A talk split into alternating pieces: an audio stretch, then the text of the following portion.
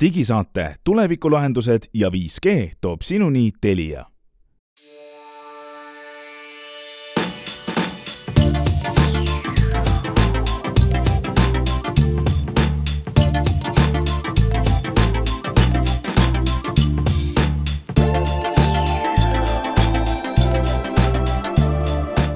head kuulajad, nimetu digisaade alustab täna nelja saate osalisega, kelleks oleme meie, Hans Laugas, Henrik Roonemaa, Meelis Väljamäe ja Glen Pilvre ka.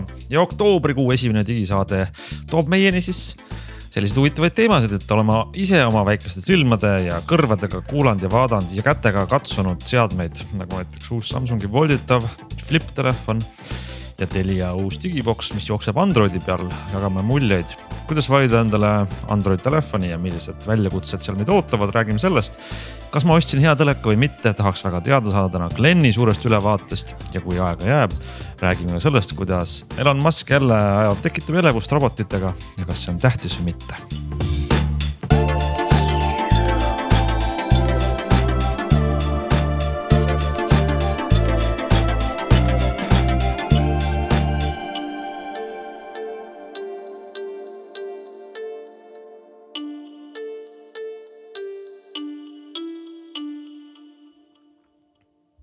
Nonii, hakkame siis võib-olla esimeseks peale isiklike kogemustega ja võtaks näiteks siit suurest pakist, loosipakist esimeseks välja Glenni.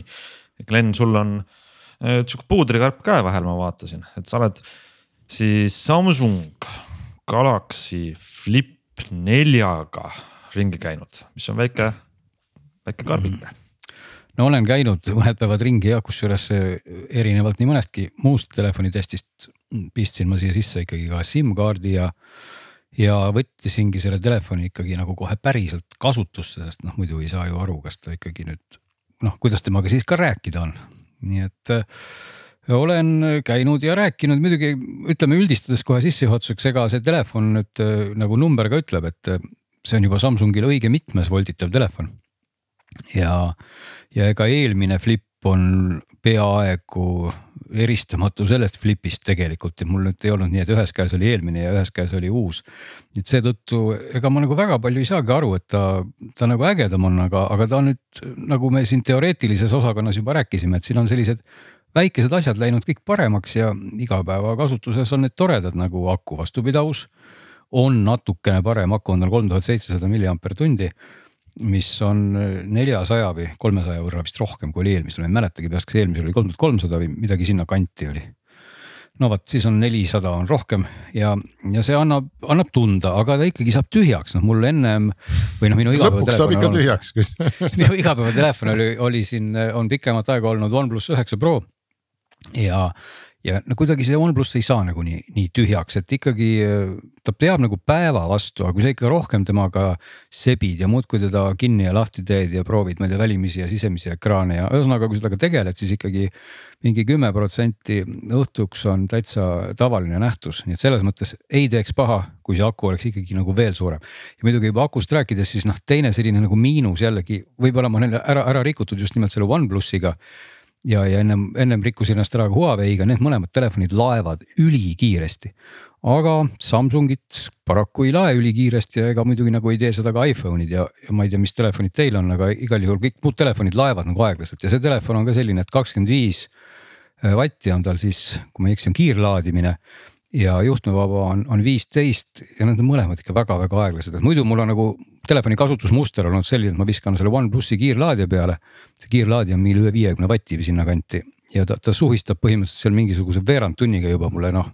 nii aga palju vooru. tervislik, kas see on no, tervislik, et sa oled kogu aeg kiirlaadimist telefonile ja, ja kas see mitte ei ole siin nagu selline, et aeg-ajalt on okei okay teha kiirlaadimist, aga kui sa iga päev. no ma ei teed, tea, ma olen juba siin, no aga ei ole. et sina oled telefoni testides, ma saan aru, aga kui sa telefoni omanik oled, tegelikult ei oleks no, tervislik kogu aeg kiirlaadimist. ma olen, ma ütlen selle OnePlus üheksa Proga, ma olen poolteist aastat juba hakkama saanud ja mina küll aru ei saa, et aku kuskilt okay. poolt mingit läbivust. laevad kiiresti ikkagi keskelt, et algusest lõpust nad ei lae kiiresti, eks ole, nagu autod. tõenäoliselt jah. jah, aga. Kahte asja võib siin öelda, üks asi on see, et jah, et tegelikult nad võiksid laadida ju neljakümne viie vatiga nagu Samsungi kallimad telefonid seda teevad. näiteks juhtmega, eks ole. ja, ja teistpidi on see, et sest juhtmevaba on tal viisteist vatti, see on nagu päris okei okay.. ja, ja teistpidi on see, et eelmine Flip Flip kolm oli viieteist vatise laadimisega, et nad tegelikult läksid natuke kiiremaks. Nad läksid natuke kiiremaks ja, aga noh, ütleme see, see viisteist vatti juhtmevaba on ka okei okay,, kui sa võrdled teda, ma ei tea, mitte millegagi. iPhone'iga meil on kümme.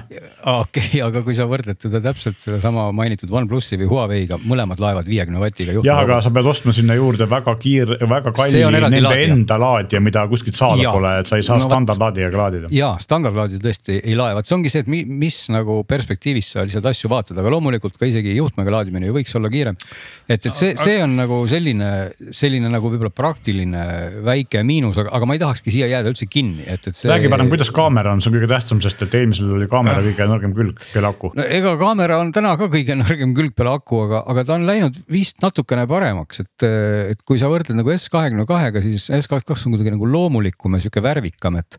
et ta kipub nagu ikkagi üle teravustama kergelt ja, ja, ja aga, aga ma, ma ka ütleks, et see on võib-olla sihukene nagu virisemine juba teatavate karvade osas, et, et niisugust igapäevapilti teeb ta jumala okeilt, ta teeb ka pimedas väga kenasid pilte ja. ja tõepoolest noh, mingid oksaraod ja mingid asjad võib-olla on natuke seda halosid seal või seda ületeravustamist. aga, aga võib-olla noh, suurem miinus on pigem see, et tal ei ole siis üldse ju mingit telekaamerat, et noh, sa pead siis äh, piirduma selle digisuumiga, et tal on ülilai nurk ja lainurk on ju ja, ja mõlemad on need kaheteist megapikslised.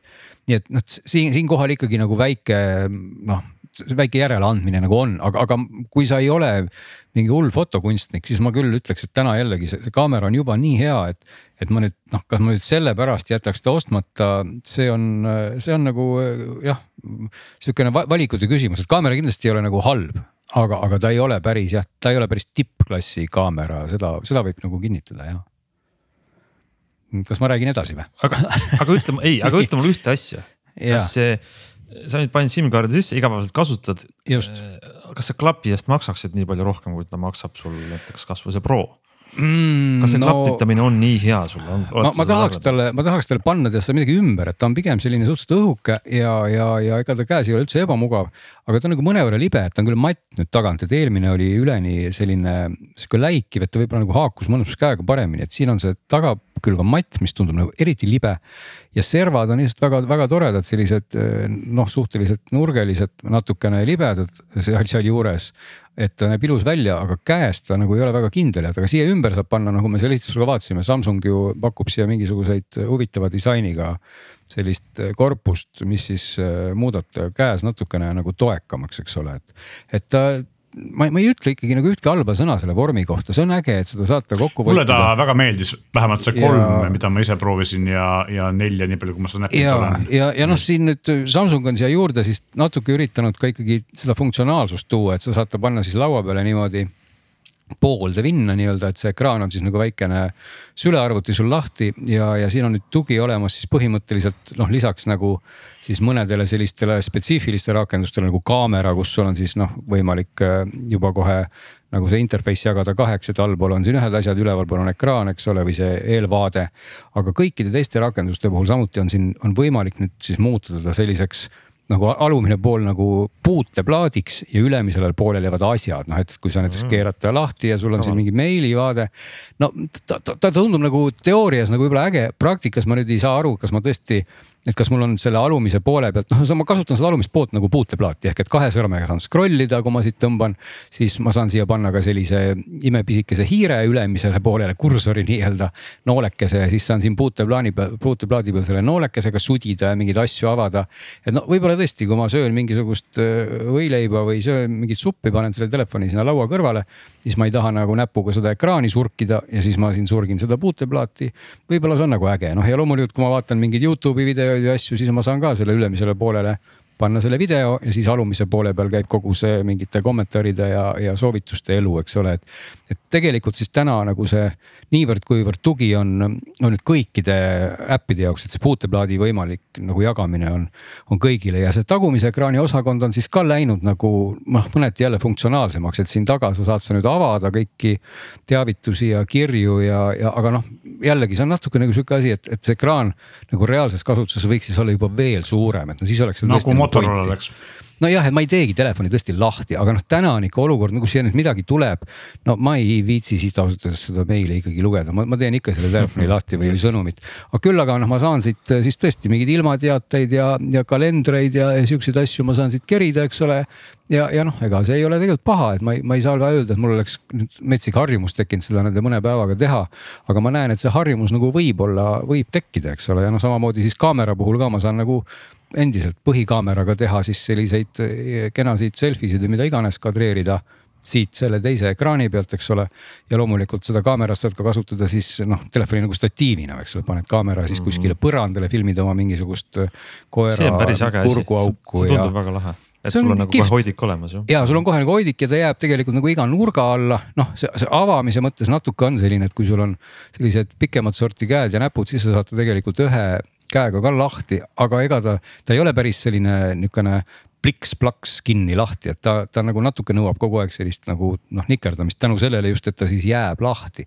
nii et eks siin ongi nagu Huawei'le natuke teist disaini teed, et Huawei'l on ta sellise nagu vedrumehhanismiga, et ta ei taha siia keskele hästi jääda, aga see-eest ta nagu lendab niimoodi plaksti lahti, on ju et Samsung on siis valinud süsteemi, kus ta kogu aeg on natukene jäik ja, ja selle arvelt saate siia lauale paigutada, noh iseenesest see.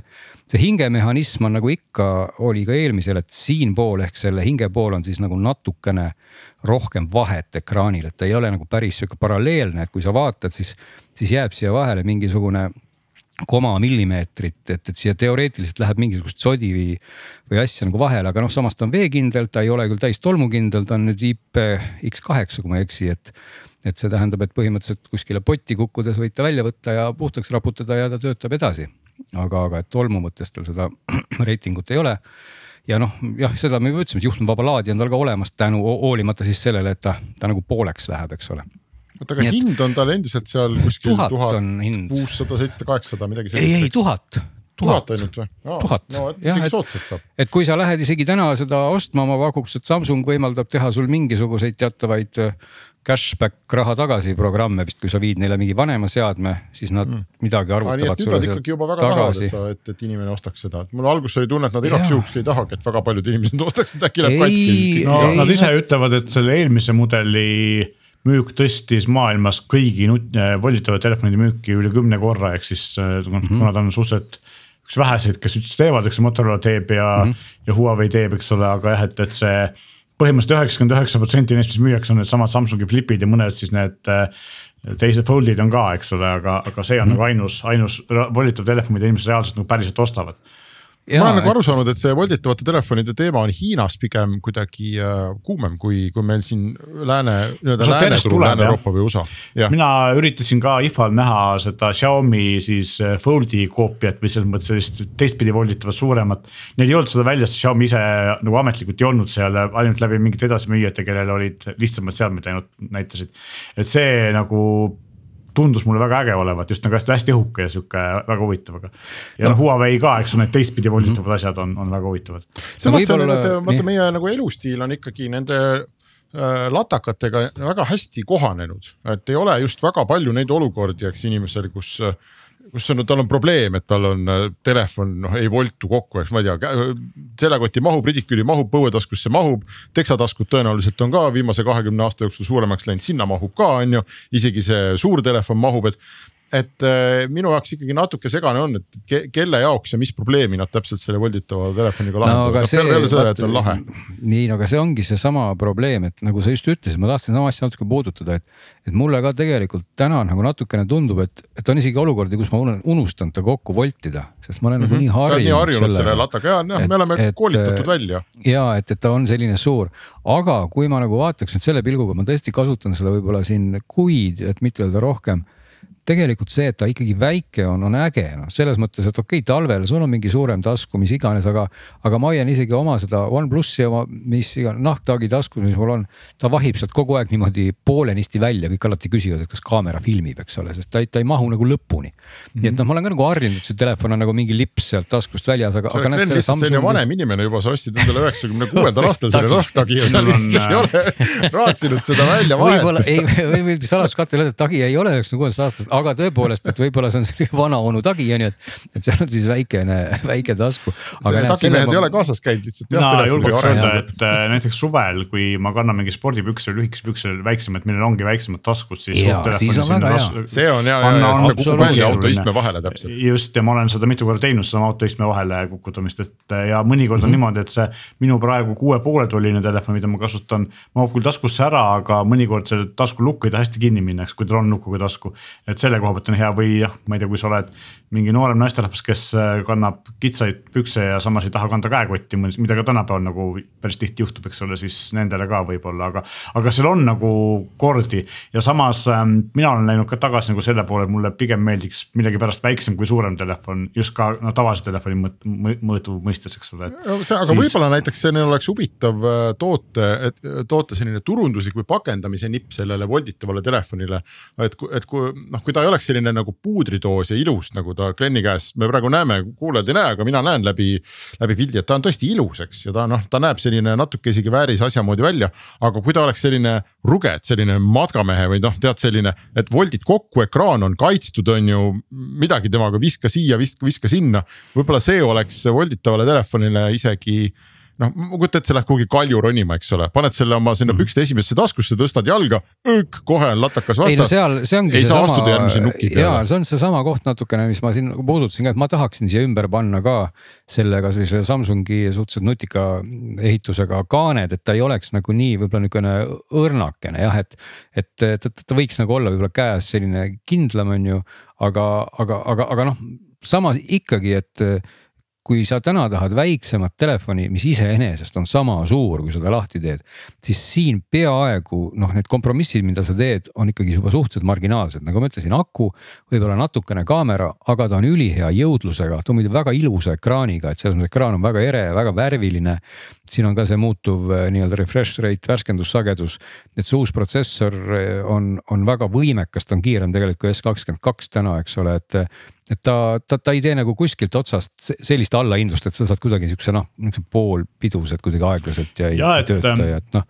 kõik on väga-väga-väga okei okay., ainuke asi, aku vastupidavus ja ei ole see kaamera komplekt siis nii, nii mm, -hmm. nii, nii, nii arenguruumi seal on, aga, aga ma olen Gleniga nõus selle koha pealt, kui ma eelmine aasta seda Flip kolme kasutasin, siis ma jõudsin ka järeldusele, et see on nagu see asi, mis, mis võiks panna mind või, või võib-olla maksma seda üheksasaja üheksakümne eurost hinda telefoni eest, et praegu mul on väga raske õigustada nagu mingit tavalist telefoni üle, üle viiesaja euro maksma selle eest, sest et see eh, vahe, mida saad selle viiesaja tuhande eurose vahe hmm. sees on väga marginaalne. aga see on nagu midagi sellist, mis, mis võib-olla paneks nagu rohkem kulutada inimesi, ilmselt see on ka Samsungi eesmärk, et kui nad mingi ja, muu asjaga ei suuda nagu selle iPhone'i konkureerida siis ägeduse koha pealt, siis see on nagu see, mille, mille, mille puhul nad saavad inimesed nagu rohkem maksma, sest me teame, et tegelikult ju eh, odavad telefonid müüvad Samsungil kõvasti paremini kui kallimad, eks ja muidugi juba nagu ikka Android, eks ole, et siin on ka olemas loomulikult juba äpp selle jaoks, et sa saad maagilise saare siia üles selle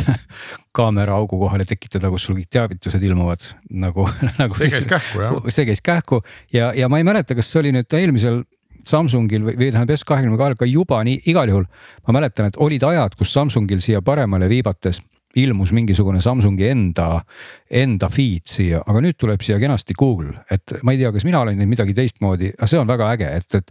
et mulle omal ajal kuidagi noh, ei, ei meeldinud see Samsungi enda mingisugune aretus, mis siia tuli, mingi Bixby ja mis iganes siin olid. et, et nüüd. mina ei tea sellest midagi noh, vaat, et, et Samsungil nüüd tuleb siia kenasti Google, et, et või on siin kuskil mingi linnuke, kui mulle meeldib väga see Bixby või mis iganes.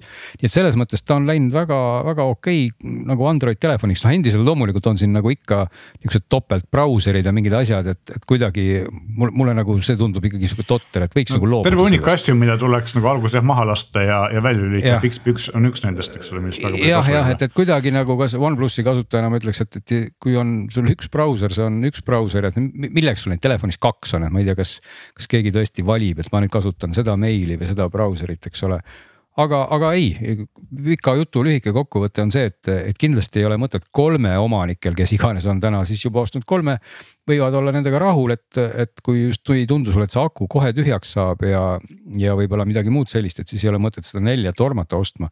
aga kui sa täna ikkagi avastad, et sa ei saa oma telefoni kokku voltida ja tahaks seda teha, siis noh, lihtsalt sa pead natukene arvestama, sa teed mingeid väikseid, väikseid kompromisse, aga need ei ole enam kindlasti nii suured, et, et see. see form factor ja kõik need omadused, ekraanid, asjad on head, et, et ilmselt järgmine aasta ma pakuks, et mida Samsung saaks siin teha, on või võib-olla tõesti seda seda välimist ekraani võib-olla nagu suurendada, et see funktsionaalsus tuleks juurde. ja ega, ega midagi muud väga ei olegi, jõudlus on väga okei okay ja võib-olla siis tõesti kaamerat parandada ja akut parandada, aga need on kõik sellised nagu marginaalsed asjad, et ega siis see, see vorm, veekindlus ja selline töökindlus on küll täna väga-väga tipp-topp. Ja noh, ta võib ju minna veel õhemaks, aga no siis ei mahu siia jälle akut, nii et eks see, see sein on siin kogu aeg ühtepidi ees, et. kas peaks lisama siia kohe otsa sellele Glenni äh, telefonijutule ma ise panin teemafaili meile kirja, et ma üritan siin osta uut telefoni ja olen noh, nagu ikka inimene, kes teab sellest valdkonnast võib-olla isegi liiga palju. ja et siis on no nagu valikute ees. no muide, ma ütlen kohe vahele üks asi, mul tuli ja. praegu meelde, et tal on ka muide väga head kõlarid, ma mäletan, ma eelmisest äh, sellest Aha. Äh, Nothing ust rääkisin ja kuidagi virisesin kõlarite teemal. siin absoluutselt mitte, et vaatad siin su suurelt äh, nii-öelda ülilai ekraanist, mis iganes see on oma mingit video, Youtube'i asja ja stereokõlarid on ka väga head, et selle koha pealt näed, ei pea tegema ka mingisugust kompromissi, nii no vot, aga mina vaatan, ma olen siin nüüd olnud mitu aastat iPhone'i peal. ja siis äh, traditsiooniliselt ma ikka mõne aasta tagant vahetan laagrit, et lähen vaatan, et mis siis Androidi maailmas toimub, olen mõne aasta seal ja noh, siis jälle tagasi ja hoiab vormis professionaalselt nii-öelda. ja alati ma leian, et noh, ega eriti vahet ei olegi. ja küllap ma leiaksin seda praegu ka ja, ja iPhone idel on tegelikult natukene selline õnnetu seis praegu, et Prosid ma ei kasuta, need on liiga kallid, liiga suured, liiga või liiga rasked ja liiga no täis asju, mida mul tegelikult ei ole nagu vaja aga iPhone ütleme, mul on praegu kaksteist on ju, kaksteist, kolmteist, neliteist on noh, sisuliselt sama telefon. küll mõnede väga oluliste edasiminekutega, eriti aku eluea osas äh, iga põlvkond on tunni juurde saanud väidetavalt. aga noh, põhimõtteliselt ikkagi sama telefon ja noh, me kõik usume ja, ja peaaegu et teame, et järgmisel aastal sügisel tuleb USB-C-ga iPhone noh, mis tegelikult tähendab, et siis mul tekiks õudne soov niikuinii osta, sest ma saaks nendest lightning kaablitest oma eluseki lahti. jube hea oleks. aga no, et aga kui osta, siis üks variant, nagu ma olen siin rääkinud ka saates, et mind intrigeerib see iPhone neliteist pluss. et noh, äkki prooviks siis suuremat telefoni, on kuidagi rohkem ka praegu telefoni kasutamist tulnud.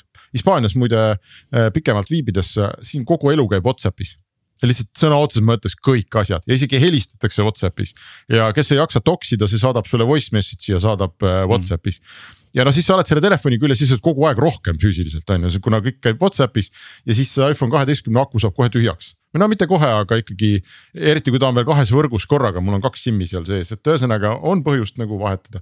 ja siis ma mõtlesin, et haa, e, aga mis seal Androidi maailmas praegu toimub ja vaatasin kõik telefonid läbi, mul on hea, noh Glen ütleb mulle Huawei aga seal meil pikemat juttu kahjuks ikkagi ei, no, ei ma, ma, ma ei otseselt ei, ei ütle, olgu, et muidu Huawei esitleb järjekordselt uut telefoni varsti, Mate viiskümmend Pro on kohale jõudnud, aga, aga. aga mul on hea meel, et Meelis on siin ta, tasakaalustava elektroonika kaupmehena. ka Samsung on väga-väga hea ja, ja OnePlus. oota, aga ma loen teile ette, ma, ma loen ette probleemid, äh, mis on täna valida, loomulikult number üks variant, sa hakkad mõtlema, on Samsung. ja, aga Samsungil on, on nagu peamiselt on see on, on, mul on kaks probleemi. esiteks on see, et siin meie regioonis nad endiselt nõuavad, et me kasutaksime nende enda protsessoreid ja noh, ikkagi, ikkagi igas testis, mis ma vaatan, nende enda protsessorid on kehvemad kui Qualcomm'i protsessorid. noh mida ei vaata, ei vaata teste või? sa ei tunne seda jah, selles mõttes, et ma olen. vanasti nad olid, vanasti nad olid kuumemad ja aku pidas kehvemini mhm. vastu, kas, kas nüüd on see lahendatud? ma ei tea, ma ütlen, ma ei ole kasutanud äh, Samsungi, noh võrrelnud Qualcomm'i protsessoriga ja Exynosega Samsungit. aga ma olen kasutanud Samsungi telefone, millel on nende enda protsessor jupp aega ja, ja seal kõrval mingite teiste tootjate Qualcomm'iga asju ja noh ma ei näe, ma päris reaalset kasutust ma ei näe seda vahet, kui ma just ei mängi või teen mingeid siukseid asju, eks ole, mis vajavad suurt jõudlust. et mm -hmm. noh, see on nagu pigem jutuks hea küll nagu paljude asjadega, eks ole, kui. okei okay., no selge ja teine asi, mul viimane Samsung oli. ma nüüd peast ei ütle, äkki oli S10 või, või mm -hmm. ei, ühesõnaga mingisugune mitte nüüd ka hirmus vana, mõni aasta tagasi. ja seal oli ikkagi väga selgelt oli kahjuks endiselt näha, et kui see telefon alguses oli kiire siis mida kuu edasi, seda aeglasemaks ja aeglasemaks see soft seal jäi, see, seesama vana Androidi nagu küsimus, ma küsin, kas keegi teab kas see on lõpuks lahendatud Androidi maailmas? mina või seda ka ei tunne, aga ma ei saa öelda, et seda ei oleks, pigem on lihtsalt see, et äkki Äh, ma lihtsalt harjun nii ära selle aeglus, aeglase, vaikselt aeglaseks minekuga, et ma lihtsalt ei saa sellest aru, aga ma, ma ei ole tunnetanud, see telefon, mis mul praegu on, mis ei ole tegelikult mu isiklik, vaid on ka Samsungist äh, nii-öelda demomudel. Äh, on mul käes olnud noh, ma ütleks pool aastat ja ei ole mina teda kordagi reset inud ega midagi teinud ja pole hullu midagi. et ähm, iseenesest ei ole ka sellega nagu minu arust suurt probleemi.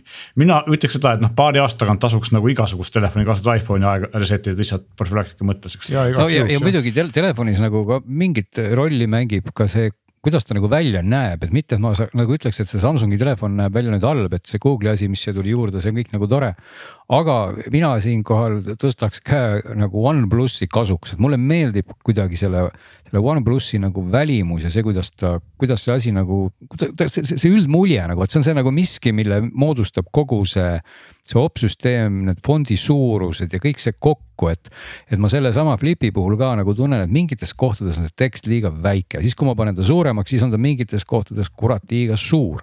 siis mingites kohtades kuidagi ta käitub nagu ebaloogiliselt ja siuksed nagu võib-olla ma olen lihtsalt harjunud sellega, aga kui ma võtan kätte selle OnePlusi, siis mulle tundub, et oi kui õige see kõik on, et, kõik okay, on nagu. väga hea, väga hea, jõuame OnePlusini, Glen, super, OnePlusi vaatasin ka, iseenesest täitsa mõistlikud telefonid, enam-vähem mõistliku hinnaga. ma olen aru saanud, et üheksa ja kümme on ka väga-väga sarnased telefonid, et. no vot kahjuks ma ei ole isegi kümmet, kuidagi meie regiooni on selle kümme Pro jõudmine hästi vaevaline, eks ole, et okay. see üheksa aga, Pro aga minu jaoks oli seal hea. Äh, peamine probleem oli see, et nad lubavad sulle Androidi ja no üldse tarkvara uuendusi kolm aastat eks ju uusi, uusi noh, see on nagu kuidagi nagu vähe, ma ütleks ikkagi väga-väga no, vähe no,, Samsungil sama... on, kus öelme peast viie aasta peal või isegi rohkem minu meelest. turvauuendused, mitte Androidi uuendused. ei ole, rohkem küll ei ole kindlasti kohe minu meelest on. kuni viis, üle viie kohe ei ole ühelgi tootjal Androidil mingit. no aga viis on ikka oluliselt parem kui kolm, eks, kolm aastat tundub mulle ikkagi noh, kuule, kui ma ostan no. veel OnePlus äh, üheksa, mis on niikuinii juba natukene turul olnud. siis no, hästi natuke täna, veel ja mulle ma, enam keegi uut tarkvara ei paku. täna tuleks võtta siis juba pigem kümme ilmselt, eks no, ole. ma,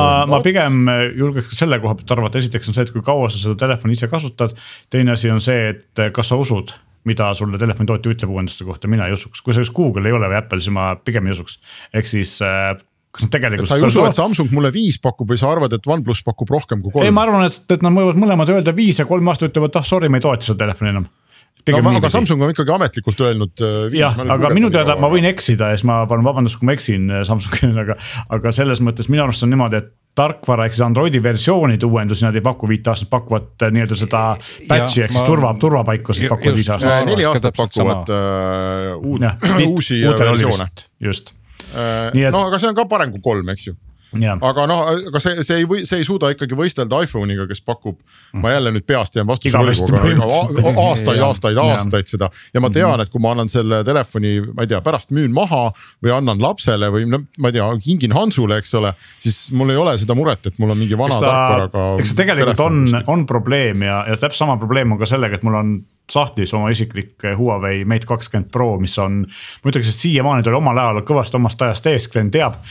ja, ja teiseks oli see, et ta on siiamaani tegelikult väga võimekas, võimekas telefon, võiks seda siiamaani vabalt kasutada võimsuse ja kaamera kõige poolest. aga noh, ta pole kolm aastat saanud ühtegi uuendust, eks ole, nii et, et on no, ehk siis ja... tegelikult ongi see, et, et noh, see on juba kasvõi see taaskasutuse ja kõige selle koha pealt, et. et noh, see on minu arust veidi vastutustundetu, eks ole, tootjate poolt, et nad ei, ei toeta väga head riistvara nagu tarkvaraga piisavalt nii kaua kui võiks.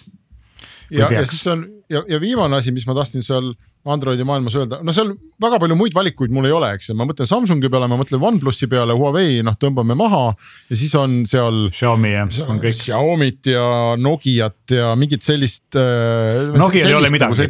Nokial ei ole midagi. no Sony on, mul tuli meelde. Sony on hästi kallis on ju ta on huvitav, aga kallis ja Honoril tuli see uus mudel, aga noh, seda vist ma ei tea, kas Eestis müüakse, ongi kõik, eks ole.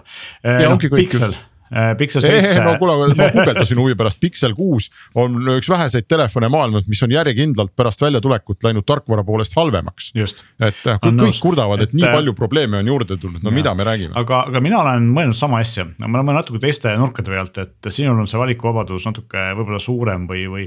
minu esimene asi, mida enne just Flipi juures rääkisin, et ma ilmselt tahaks väiksemat telefoni kui äh, kuus mm. pool või seitse tolli ja, ja siis ma vaatasin neid ja samas mul ei ole vaja midagi väga võimsat, eks ole. ja, ja siis ma jõudsin järeldusele, et ega tegelikult nagu ongi Asuse mingi uus ja samas sama hinnaklassiga sama või isegi odavam, aga, aga sama suur on tavaline Galaxy S kakskümmend kaks. ja see olekski asi, mida mina ilmselt praegu ostaks äh, mulle tegelikult meeldib välimusega piltide peal vähemalt Pixel seitse, aga seda veel ei ole ja nagu sa ütlesid, et me ei tea, mis sellest Google'i tarkvarast tegelikult saab, eks ole, aga. aga mm. just ongi see, et kaks asja, üks oli niisama see tarkvaratugi ja teine asi on, minul ei ole Samsungi selle kasutajaliidese vastu midagi. ja teine asi on tegelikult see, et äh, väga vähe on neid väikseid telefone, eks ole, et enamus on nagu jube suureks läinud eriti kui nad head on, noh aku on küll kehvem, aga okei okay,, saab hakkama. aga teine asi, mille peale mina olen nagu mõelnud, on see, et me oleme siin saates varem ka rääkinud, eh, see, kui 3G kinni pannakse ja meil on vaja eh, voice over LTE toega telefone tõenäoliselt, eks ole, ja mm. -hmm. ja siin on see, et see ei ole üks standard, vaid operaat-, iga operaatori jaoks peab iga telefonitootja selle konkreetsele mudelile see tarkvara arendama ja no Xiaomi'l on, aga seal on ka nii, et osadel mudelitel on Elisa oma, osadel mudelitel on Telia oma, eks ole, mõnel ei ole. Tele2-l pole vist veel midagi ja teistel väiksematel tootjatel sa ilmselt ei saa kunagi sellist asja. sul jääbki järgi Samsung ja, ja Apple ja noh, kui väga hästi jopab, siis võib-olla Pixel, eks ole, just. kui, kui sul on üks väga sihukene nišitootja telefon, siis seda ilmselt operaatorid sertifitseerima ei hakka, mis võtab ka järelturu ära hästi. just ja sellepärast on jube kehv, et, et, et selline asi on nagu reaalsuseks saanud, sest et ähm, noh no kuule, mulle ei meeldi see, et see konkurentsi tapab ja, ja kolmas asi, see ongi, sul jääbki järgi Samsungi iPhone põhimõtteliselt, eks ole. no Xiaomi'l on mõned mudelid, just. no siis on ja... see läbipaistev telefon, millest me siin eelmises saates pikalt rääkisime, see on hea hinnaga ja tore ja, ja ei ole ülemäära suur ja kõik nagu klapib, aga seal on täpselt see, et sa annad mingi raha nendele tüüpidele ära ja sa elu sees ei tea, mitu ja aastat sa saad tarkvara uuendusi on..., kas nad on alles, kas nad, nad niikuinii seda Voltet ei tee, ma ei usu seda. kolmas asi on veel, mille, mille, millest me ka alles vist e eelmine kord, kui mina siin saates olin, rääkisime, Hendrik tutvustas seda e-SIM-i maailma, siis ka e-SIM-i mm -hmm. Toega telefon on väga vahe, eriti millel on kaks pesa, ehk siis nagu äh, näiteks minul sellel Samsungil ma avastasin, mis on praegu on, ei ole eSIM-i tuge, ma arvasin, et on, tegelikult ei ole. ja sellel Flipil on, eks ole, tal on nii, et tal on üks tavaline SIM ja üks eSIM. on ka, aga S22-l ja iPhone idel, iPhone idel on samamoodi üks füüsiline, üks eSIM, eks ole. siis S22 seerial minu arust on siis kaks füüsilist ja e-SIM, aga sa ei saa korraga neid tööle panna, aga saad vahetada, eks ole, nii et.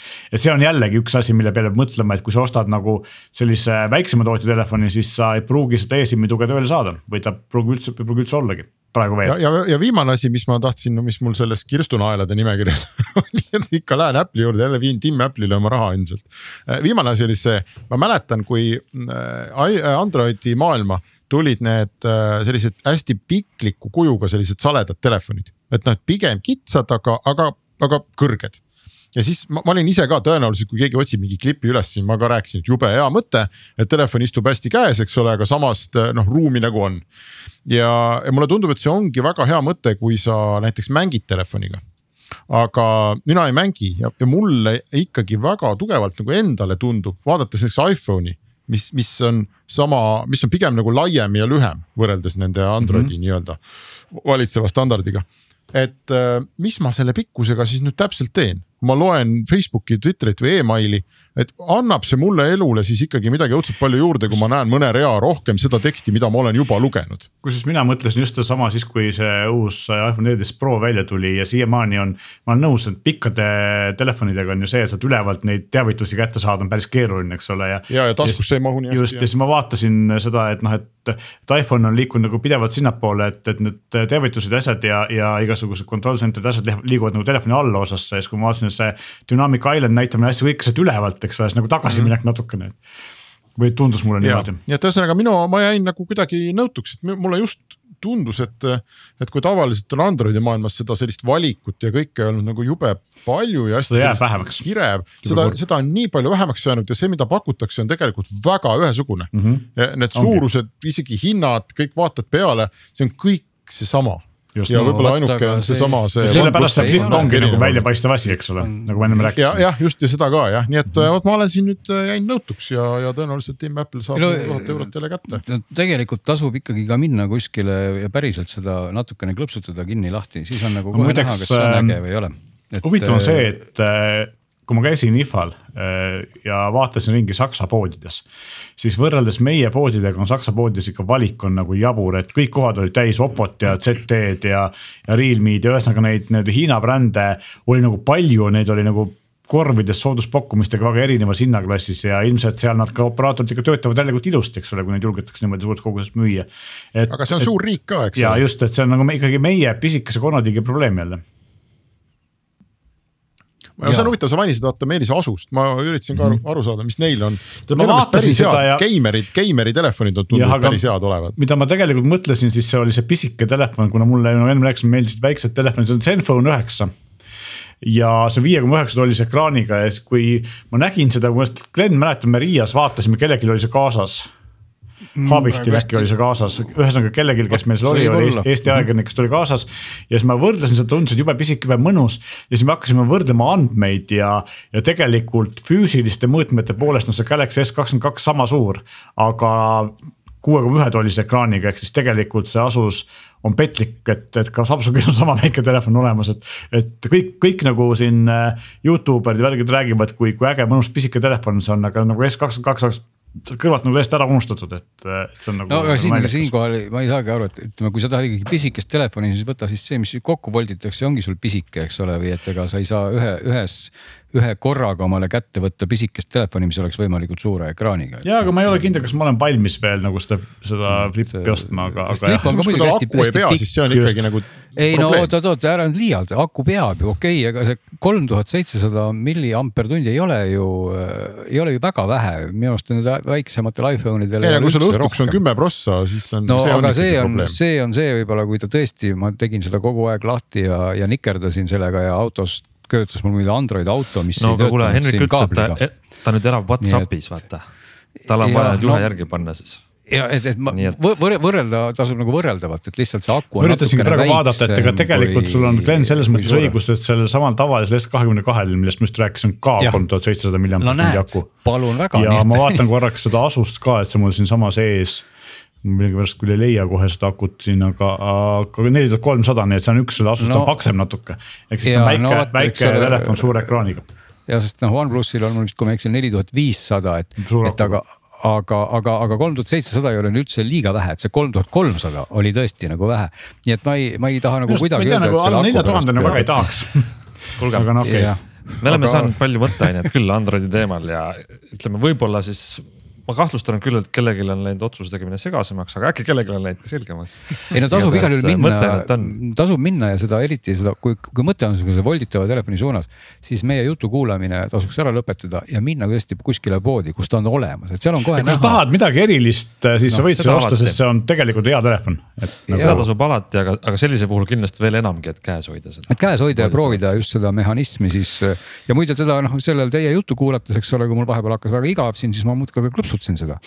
et, et, et see. kohe närvid läksid äh, kohe närvid nagu läksid paremaks, et, et, et see tegelikult aitab, et sa saad nagu mõelda, et kas ma teen ta nüüd ühe käega lahti, kas ma aitan ka teisega, eks ole, panen siia kuskile sõrme vahele. et sa oled koosolekul no. see tüüp, mitte kes pastaka otsaga klõbistab, vaid sa telefoniga. ja, võid seda ka laua all vaikselt teha. Noh, palun.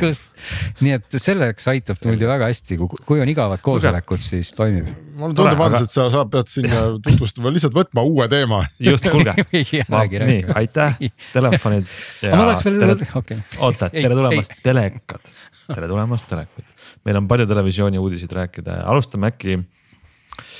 Kust otsast me alustame, lühikestest või pikkadest uudistest, no kõik. räägime sellest, et Glen on telekat proovinud, siis me peame selle teema kuidagi ära rääkima. sellest me rääkisime eelmises ah, äh, saates minu meelest, ei aga... räägi, natukene rääkisime ja. meil oli seal eelmises saates sind ei olnud Meelis, aga meil oli seal selline olukord, kus Ants tuli ja ütles, et poisid, ma ostsin uue teleka. Ja siis ja siis, kui ta oli väga elevil ja siis, kui äh, Glen kuulis, mis teleka ta ostis. No, Glen oli väga seda nägu, et Hans tegi oma elu halmi, halvima. aga ta ei öelnud midagi. ta ei öelnud midagi, ta räägib järgmises saates. saad aru, ma olen nädal aega käinud ringi, käed higised.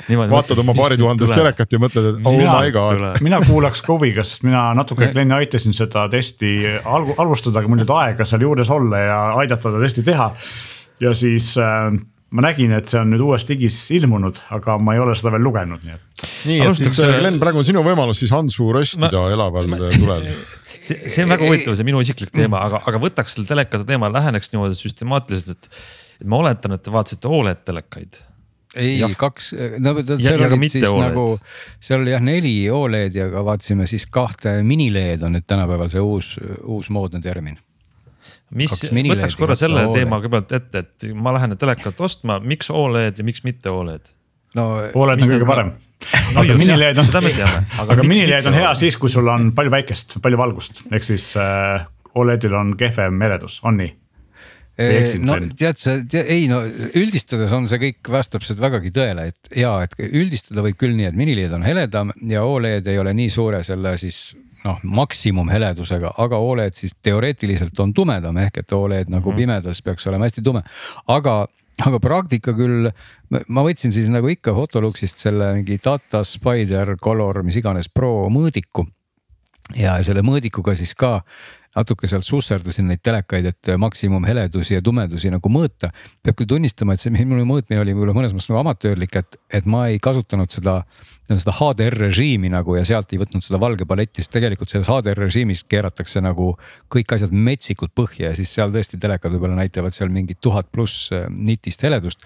et tegelikult ma mõõtsin neid lihtsalt niimoodi, et, et HDMI pordist arvutiga panin telefon, teleka siis tavarežiimi ja siis äh, vaatasin, mida telekas sealt välja annab, nii et pigem see indikatsioon oli siis nagu, nagu musta osas oli ta nagu eriti selline nagu informatiivne, et, et tõesti oli näha, kui must on siis mõni must ja kui, kui äh, nagu hallikas ta siis on, sest et teatavasti, kui sa ikkagi toas hämaras ju vaatad enamasti telekat võib-olla, võib-olla sellises mitte väga valges ruumis, siis tegelikult see musta osakaal on väga oluline, et sul ei oleks see must ei oleks nagu hall, vaid, vaid olekski must, et see annab väga palju seda kontrasti juurde, eks ole, et, et mini-LED nii et Oled võidab seal jah? no jaa, aga muide ei, ei saa ka öelda, et Oled seal nagu laus võidab, et tegelikult eh, Samsungi see nii-öelda QLED, noh, mis on siis ka noh, olemuselt võime seda liigitada ka mini-LED-iks. ehk et siis see nanotäpid ja taustvalgustus, mis seal on mingi seitsmesajaks sektoriks jagatud seal ekraani taga, noh vedelkristallpaneeli taga, selle tumedus oli täiesti võrreldav Oledidega ehk null koma null kolm nitti, mis oli isegi tumedam, kui ma ei eksi, kui äh, kas see oli nüüd LG Oled või oli see Sony Oled, ma nüüd peast enam ei mäletagi, sest kõik ju läheb imeruttu peast välja, mis sinna ka sisse tuleb.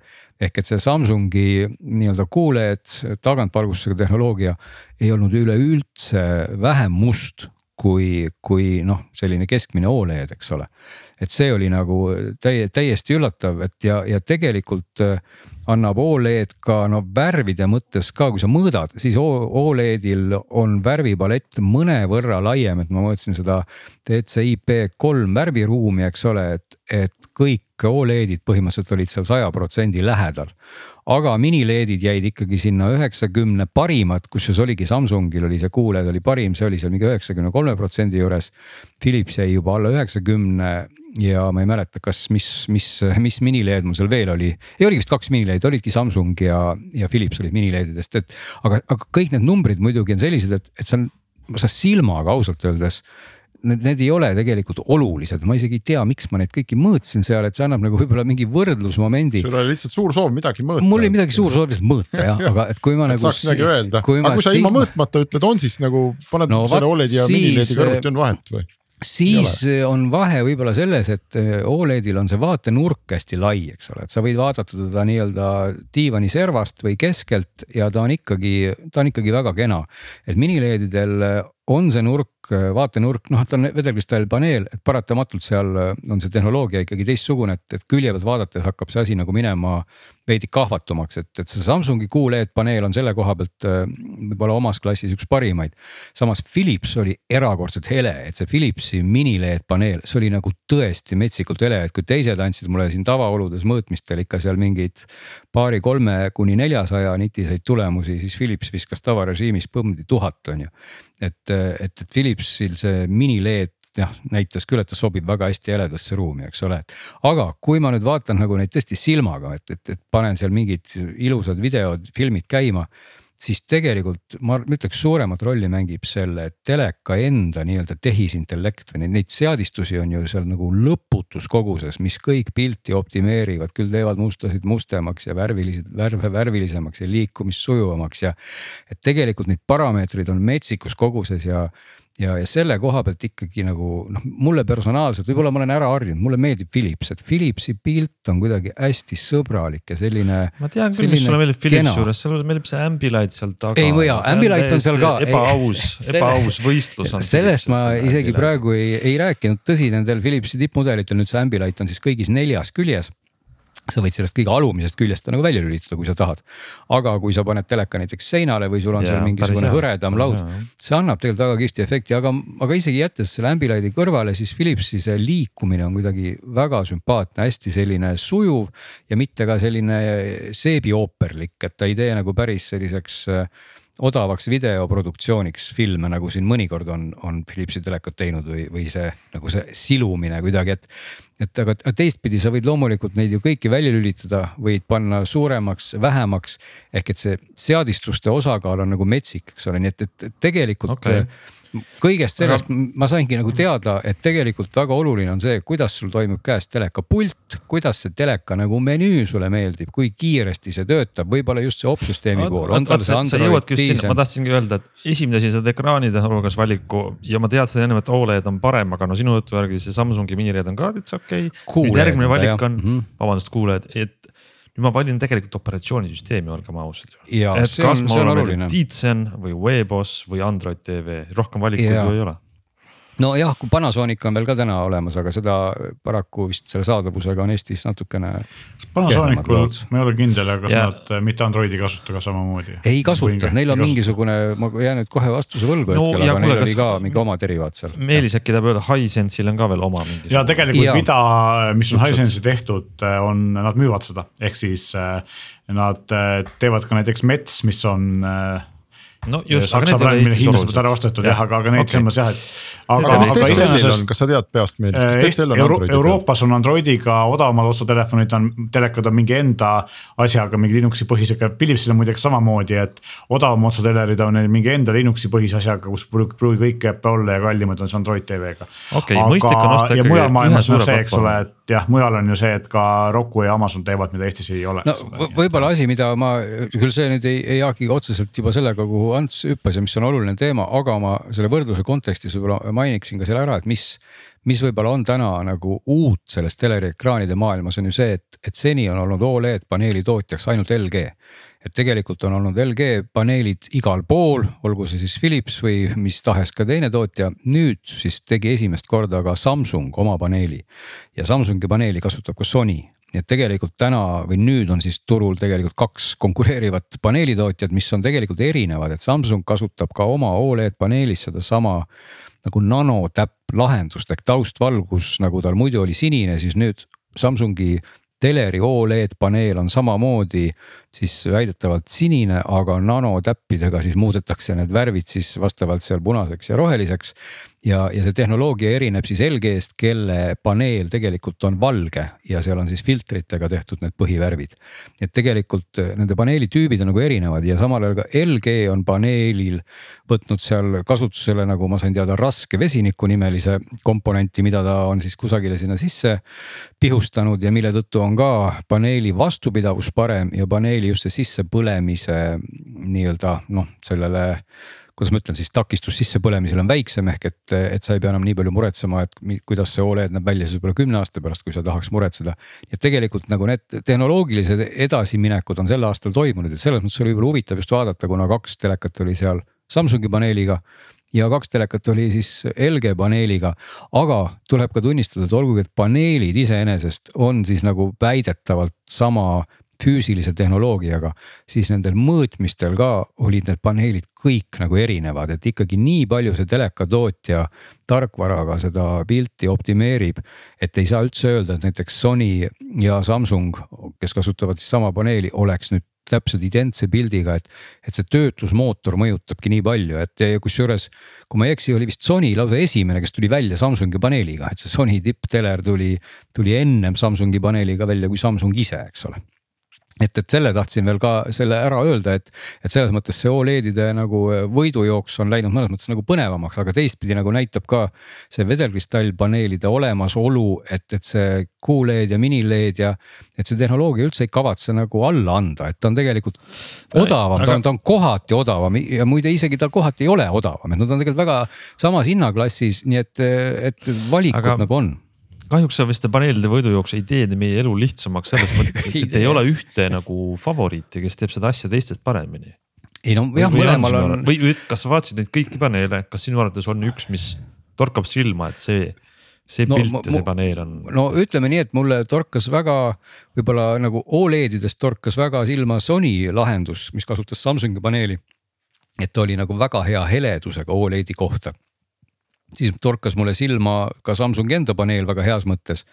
LG paneel jättis mulle sellise keskmiselt väga hea mulje ja Philipsi paneel, siis LG paneel Philipsi esituses näitas heleduselt suhteliselt tagasihoidlikke numbreid ja kontrasti mõttes, aga silmaga vaadates oli see pilt jälle väga-väga hea ja, ja väga-väga ilus. nii et, et sihuke kummaline nagu vastuolu nagu natukene oli, et, et ühtepidi need mõõtmised nagu ütlesid ühte, aga kui sa ainult neid numbreid vaatad, siis pigem see ei annagi mitte midagi. ja muidugi, mis, mis ka võib-olla on teleka puhul noh, võib-olla päris ära ei tasu seda unustada, on heli, et alati on see telekate heli juba neelteleritel olnud no otse öeldes just sitt, aga, aga ma olin väga üllatunud, et nendel, need olid nüüd tippmudelid ja, ja ainuke erand, kes võib siis olla selline neljatäheline, on, oli, oli üllatuslikult Philips et kõik ülejäänud olid heli poolest väga head ja muide kõige parema heliga oli LG. et LG teleri heli oli täitsa selline, et ma ei, ma ei saanud aru, kust see tuleb, aga see, see oli väga hea kvaliteediga, kuniks sa võtsid, kasutasid siis mitte seda LG, mis iganes tal oli, mingi tehisintellektne helirežiim, nii kui sa selle panid, siis oli väga jube kõik ja see on tal siis vaikimisi. ehk et vaikimisi valis ta selle mingi ai heli täiustus ja see oli, see oli tõesti kole, aga nii kui sa selle ai sealt võrrandist ära võtsid, panid mingi filmi või muusika või noh, seal on ju neid režiime rohkem, on ju. siis, siis need kõlasid kõik väga hästi ja, ja väga tüsedalt, et, et loomulikult, kui sa paned mingi ribakõlari soundbar'i sinna juurde noh, see annab ikkagi sulle täiendavalt kohe kõvasti helile juurde, aga see heli ei olnud nagu üldse nagu talumatult halb, et nii, nii Samsung kui Sony on mõlemad selgelt ka seda poolt ikkagi üritanud rõhuda ja muidugi noh, LG pluss nagu üks vist eelmises saates ka Hans mainis, on see pult, et, et kahtlemata LG no,. me räägime see... tarkvarast, veeboss. jah, see on, see on äge see on siis see pult, mis tekitab ekraanile hiirekursori ja see on tohutult, ähm, kuidas siis hästi reageeriv või? Kiiresti. see on hästi mugav jah, et see on LG-l olnud ju pikalt, see oli ka nendel, eks ole, et, et aga, aga noh, teistpidi jällegi LG opsüsteemis ei ole neid meie tootjate nii-öelda virtuaalseid digibokse on ju nii et. no just, et see on suurim, suur miinus jällegi, et LG-l Webossi äpipood on väga-väga piiratud, ehk kindlasti Android tv siis on, on Google'i poega palju parem ja tegelikult Samsung. kuidas selle Samsungi äpi valikudega muidu on? Samsungi äpi, no ikka pigem rohkem, mina, mina nagu ütleks, et nii palju, kui see on kerinud ka olen, et mulle tundub see valik nagu suurem, aga tõenäoliselt on see ka täpselt selline, et see sõltub väga kui teadlik kasutaja sa oled ja mida sa nagu otsid, et, et, et kui sa tead, et vaat ma tahan seda või ma tahan seda, siis pigem tasub kontrollida, kas nüüd just see on. et sellise nagu tavatarbija pilguga, seal on sellist ta tarbetut sodi on just nagu metsikus koguses kõigil. ja on küll, sellega ma olen nõus. ma nagu ei tea, kas ma tahaks neid kasutada või ei taha, aga see peabki olema nagu see koht, et et ma, ma mind nagu tõesti huvitab, et, et kas see, kas see nüüd on, eks ole, ja muidugi selles mõttes tehniliselt suutlikkuselt on nad kõik läinud väga heaks, et see nagu hilistumine on väga väike, nad ise saavad aru, kui on see niinimetatud mängurežiim. see low latency mode, siis on siis automaatselt aga... valitav aga, aga selle puhul on üks äh, veel väike parameeter, mida nagu tihti mm -hmm. sa vaatad üle ja telekas ei toeta, et mina lõpuks paljude valikute seast võtsin selle mudeli, millel ikkagi on mhm. saja kahekümne hertsi tugi. just, just. et kui sa ei pane arvutit või tähendab teleka taha arvutit või ühtegi mm -hmm. konsooli, siis ta on võib-olla mõttetu. aga, aga mängid. tuleb öelda seda, et saja kahekümne hertsi tugi on olemas minu teada kõigil Oledidel paneelis kinni. aga, aga ja see on, ei ole. Okei. okay. ei, ei ole jah, aga, aga noh, ütleme nendel jällegi, mis seal tänases või selles testis olid tõesti, seal olidki tippmudelid, eks ole. ja, ja siis jah, nii-öelda selle tavalise LED-i või Just. mini LED-i puhul on see, et kallimatel mudelitel on, aga odavamatel aga, aga just, aga nüüd on LG-l ka see, vabandust, Oledil see oht, et kui sa mõtled, et ma hoian raha kokku, ma võtan selle Oledi, aga kõige odavama, siis tasub üle vaadata, et kas tal ikkagi on ja, saja ja, ja muide ja, ja muidugi tasub ka üle vaadata siis, kes, kes tõesti seda oluliseks peab, tasub siis väga täpselt ka üle vaadata, kui hästi siis a- telekas ikkagi seda nagu dünaamilist äh, värskendussagedust nagu toetab. ehk et, et kui sind huvitab see, et, et see noh, värskendussagedus dünaamiliselt match'iks sinu konsooliga ja, või arvutiga ja muutuks siis täpselt nii. siis seal on mingeid erisusi, näiteks Sony paneelil minu arust see asi või Sony teleril oli seal mingeid takistusi, ta ei olnud nagu automaatselt nii hästi toimiv, kui oli, oli seal teistel, et, et seal tasub need standardid üle vaadata. ja kui sa oled nagu nii palju pädev, et sa tead, mida sa tahad, siis kontrolli üle, kas sinu konsool või sinu väljund läheb siis teleka sisendiga nii palju kokku, et see refresh rate ka toimiks, et see, see ainult see number, et, et ta võimaldab sada kahtekümmet. ei ütle palju, sest oluline on see, et, et ta match'iks täpselt sellega, mis sisse tuleb, eks ole et, et siis on see pilt sul kõige ilusam ja midagi ei haki seal, eks ole. Et, et aga, aga need kallimad mudelid peaks seda kõik tegema, aga seal on erisusi selle koha pealt, et keda siis see mängu pool nagu huvitab, eks ole, ja muidugi noh, kolmas või neljas asi on ka see antenni sisend ja selle kvaliteet, aga vot see on koht, ma ei tea üldse palju on täna, täna Eestis inimesi, kes vaatavad nagu just seda, seda antennituunerit ja Jaa. kasutavad seda poolt. et sellele ma väga Just suurt vähem. tähelepanu ei, no vot väga suurt tähelepanu ei pööranud.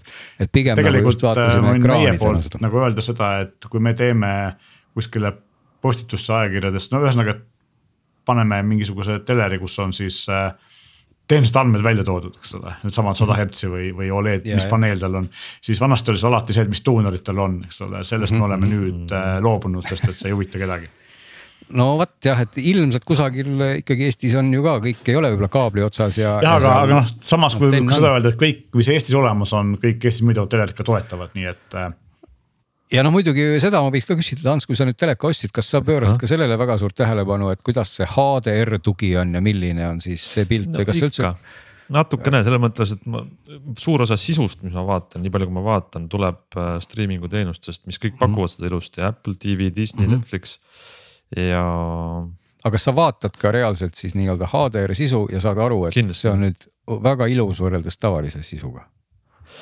No vot, nüüd sa võtad mind vahele, sellepärast ega tegelikult ma ju ei tea, ma tean, et kui seesama sisu nüüd lülitada välja HDR sellesama sa- sarja või filmi puhul, siis oleks näha, see pilt oleks plassim, on ju Äh, aga nii on ka tegelikult saja kahekümne hertsi toetamisega selles mängurežiimis, sest olgem ausad, ma küll ei tee vahet, et mul nüüd sada kakskümmend hertsi on seal.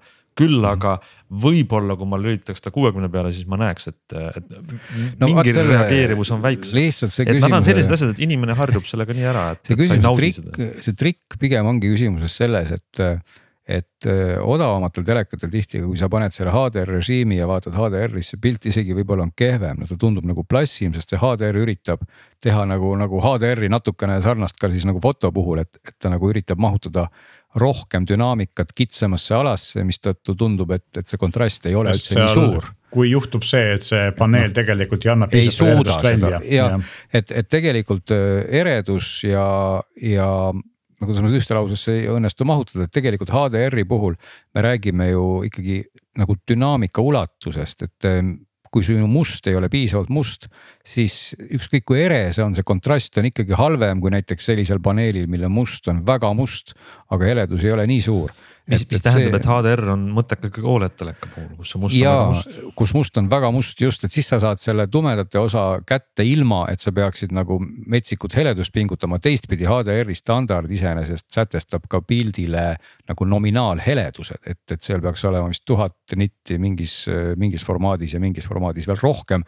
mis on iseenesest nagu väga-väga ere, et kui sa vaatad kuskil nagu vähegi hämaras toas sellist nii-öelda standardset HDR pilti, siis võib juhtuda, et sa pead päikseprillid nagu ette panema, kui päike Ja. paistab ja kui me siin kolmetähelisest lühendist rääkisime, eks HDR-ist, siis ma mainin ära, et kui Glen siin ennem ütles, et äh, peaks olema siis selline teler, kui tahate mängida mille ekraan suudab jälgida seda konsooli või arvuti puhul muudetavat kaadrisagedust, siis äh, selle asja nimi on VRR ehk siis variable refresh rate, et see, seda peaks vaatama siis andmetest, kui see on tähtis. Kõigil Jah. ei ole. just, et see on, see on asi, mida vaadata ja, ja siis on seal ka nagu monitoride puhul on siis neid, on vist kaks põhistandardit, mis muidu veel on, üks on see üks on Nvidia oma, kui ma ei eksi ja, ja et neid ja, võib siis äh, nagu vaadata. just vot selline Selge. lugu, nii et, et nüüd... kokkuvõttes sa ei ole ilmselt ostnud halba telerit, kindlasti on seal vähemalt hea heli, ma loodan, ma ei tea küll, mis mudeli LGS sa ostsid. tegelikult tal on pilt ka ikka hea. pilt on tõesti hea pilt on ka hea, aga, aga ikkagi, kui sa ostad järgmist telekat, siis ma ütleks, et äh, vaata ka Philipseid veel sellise pilguga, et ära lase ennast mõõtmistest segada no,. eelmine oli mul Philips ja nüüd ma ostes, ma meelega hoidsin kõrvad kinni sinuga, sinu lähedusse sattudes, muidu, muidu ma oleks ostnud jälle Philipsi. oleks ostnud jälle Philipsi. ma ja ma lõpetan selle teema nüüd sellega, et äh, ERR-i äppe endiselt ei ole Veebossis, väga halb.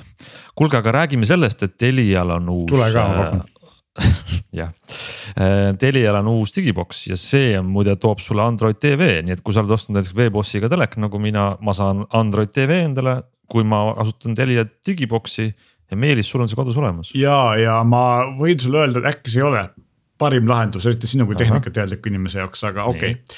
ähm, olen oodanud seda boksi pikalt, sest et ka mul olid selle suhtes nagu sellised äh, kuidas ma ütlen, suured lootused ja ootused ja, ja see on päris mitu asja, millest mina väga hästi aru ei saa, et ühtepidi on jah see, et see tõepoolest on üsna korralik boks oma nii-öelda suurte tehniliste andmete poolest.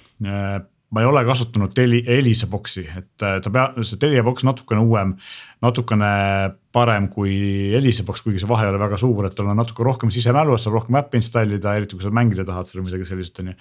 tal on AB1 koodeki tugi ehk siis äh, tulevikus Netflixi ja Youtube'i poolt kasutatava kõige, kõige kõigem koodeki tugi, eks ole, mida praegu nad väga palju veel ei kasuta, aga tulevikus see tuleb. mida minu teada Elisa box'il ei ole. aga, ja noh, lisaks on USB pesad, mälukaardipesad ja üks, mis ilmselt siin Eestis mida tele, digiboksi tootjad oluliseks peavad, lisaks sellele, et on siis, miks ei tehta seda pulga näol, vaid tehakse ka eraldi selle boksi näol, eks ole, on. on ähm, AB out ehk siis tavaliste pulkadega aukus juhtumisi on veel mingisugune kineskoop telekas või siis saab ka selle külge ühendada on ju ja lisaks optiline väljund. aga üllatus minu jaoks, ma ei ole veel ise proovinud, ma ei ole selleni jõudnud, see mul ainult poolteist päeva olnud ja mul on siin olnud kiire nädalavahetus, aga. aga eh, Telia ise ütleb, et ei toeta Netflixi ja nagu keegi sina ütlesid, Hans vist, et ka Teli, Elisa box ei toeta Netflixi ja see on minu jaoks arusaamatu, sest et tootja STMC Hiina tootja, kes neid box'e toodab lehel on kirjas, et on olemas nii äh, Widevine kui ka PlayReady DRM-id, mis Widevine peaks olema see, mida Netflix vajab.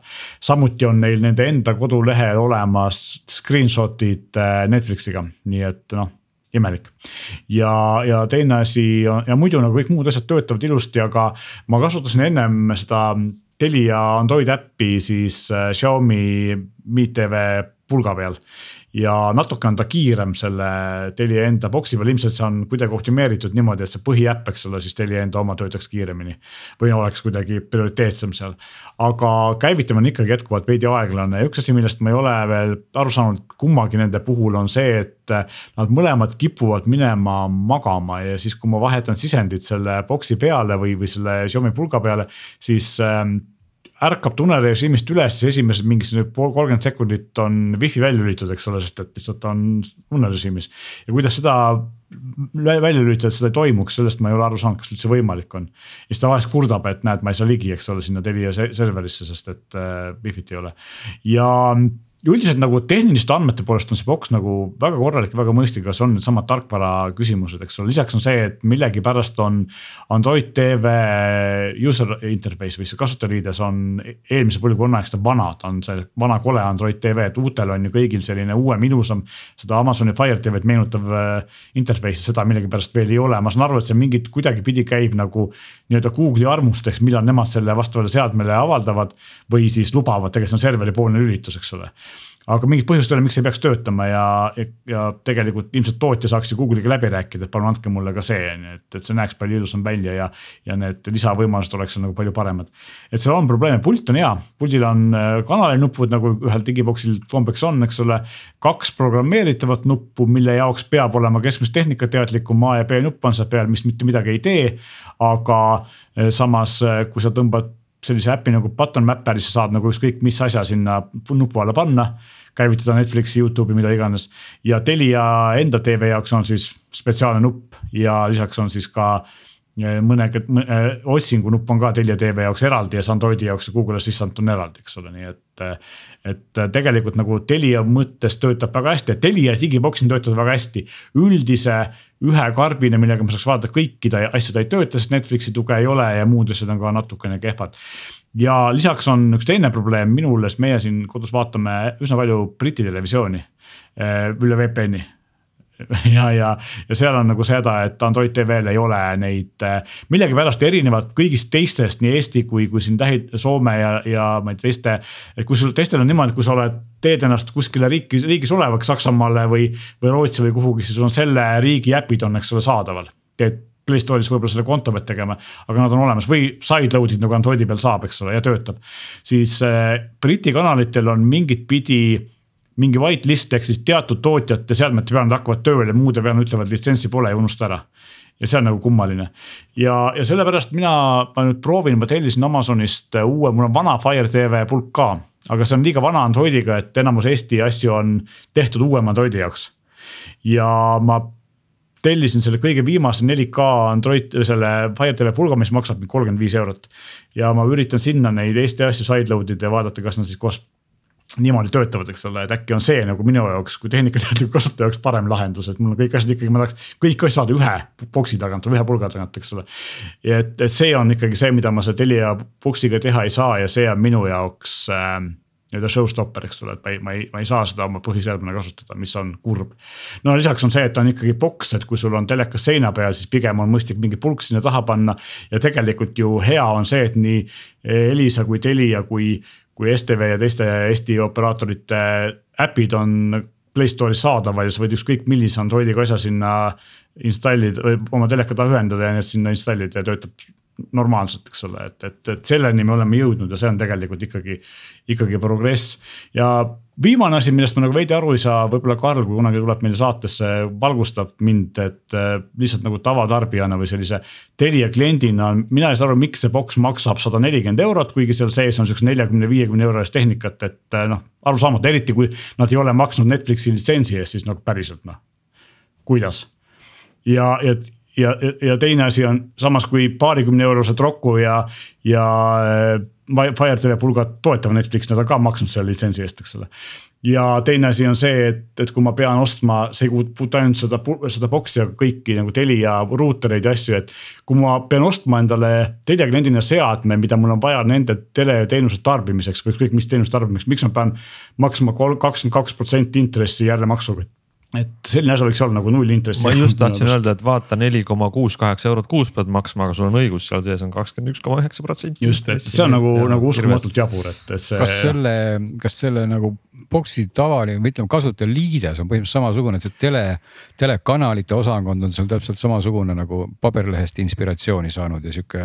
no kui sa paned sinna kõrvale, kõrvale, ma vist vihjan nagu sellele, et, et Elisal juba Starmani aegadest see, see loogika on nagu teistsugune, et ongi täpselt siukene äh,. Telia koolkond ja Elisa koolkond. ma ei mäleta, milline oli, on Elisa aga, interface, minu arust Elisa interface on päris heaks läinud viimasel ajal no,. ja Telia interface on Androidi peal nii selle boksi peal kui ka eraldi äpina täpselt sama, mis ta oli vanade eelmiste digibokside peal. oota, aga ütle mulle, ma, ma korra võtan sellest hinnateemast kinni nüüd, Meelis, kui sa nüüd ütleme, sul on vana telekas, võtame siukse tarbija probleemi, sul on vana telekas, tahad sinna külge digiboksi, vaatad Teliat. Telia pakub sulle saja neljakümne euro eest oma boksi, millega ei saa vaadata Netflixi mm. -hmm. millist digiboksi sa võtad, kus on Android peal, kuhu saad tõmmata Telia äpi Androidiga ja töötaks ka Netflix? mil, mis võiks olla see valik, kuhu minna? mina võtaks äh selle, mis mul endal seal taga on siis, kui mul ei oleks vaja vaadata neid Briti kanaleid, mul piisab ainult Eesti asjadest no,, Netflixist no,, Prime'ist asjadest. ma võtaks äh, Xiaomi Mi TV Stick 4K, mis maksab meil seitsekümmend viis eurot, ma ei oska öelda, mis ta mujal maksab, ainult ka Elisa müüb seda. näiteks oma ja soovitab seda nii-öelda alternatiivina ja sellel on äh, noh, mõned asjad on, mida ei saa teha, näiteks sa ei saa mute'i poole peal, sa pead seda tegema teleka puldist, eks ole, ja no,. ja mõned nup, nupud ei ole überprogrammeeritavad, kui ma, sul on Netflixi ja Prime TV nupp on puldi peal ja kui ma ei taha neid kasutada, siis ma noh, ei saa sinna midagi muud panna, eks ole. oota, kas see pulk oli, oli 4K või? jah Ah, mm -hmm. on olemas ka mitte 4K mudel, aga siin juhul on see, et isegi kui sul ei ole 4K telekas, võta 4K pulk, sest et tal on võimsam protsessor, tal on rohkem RAM-i, ta on kiirem okay,. ka tava, tava nende puhul. et äh, selles mõttes mina ütleks, et, et see Mi TV Stick on tegelikult väga hea variant, juhul kui sul ei ole vaja kasutada, teha kumma, kasutada, vaadata kummalisi asju, nagu mina vaatan, eks ole kodus. aga ja. muul juhul küll jah, on, on see on nagu Eesti mõistes, et selles mõttes ma lähen poodi, ostan ära, otsin Just äh, poest üles äh, selle Telia tv äpi mm -hmm. või Elisa tv äpi või Just. Jupiteri või, või mis iganes veel. muideks üks huvitav asi on veel see, et Android tv pakkus mulle Delfi TV-d äh, äppi. Ja siis ma avasin, oo äge, installisin ära ja siis mul tuli kiri ette, et äh, seda äppi enam ei toetata ja ei pakuta, aga millegipärast on Play Store'is jätkuvalt olemas, et, et Delfi ei ole suutnud seda maha võtta millegipärast, et no, kummaline. ma juba lootsin, et, et ma ei pea brauserist vaatama neid videosid, vaid ma saan telekast vaadata, ei saa.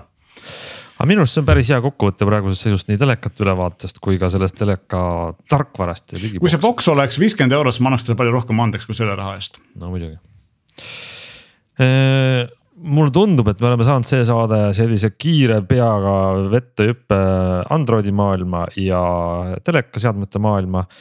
ja muidugi meil on siin veel üht-teist teemadest rääkimata, aga, aga järgmised nädalad ootavad ka ja, ja kui midagi põletavat peale ei tule, siis siis aitame rääkida teile teli, vabandust Eloni uuest robotist ja muudest teemadest aga tänaseks saateks ütleme kõigile osalejatele aitäh ja kuulajatele veel suurem aitäh ja järgmise nädalani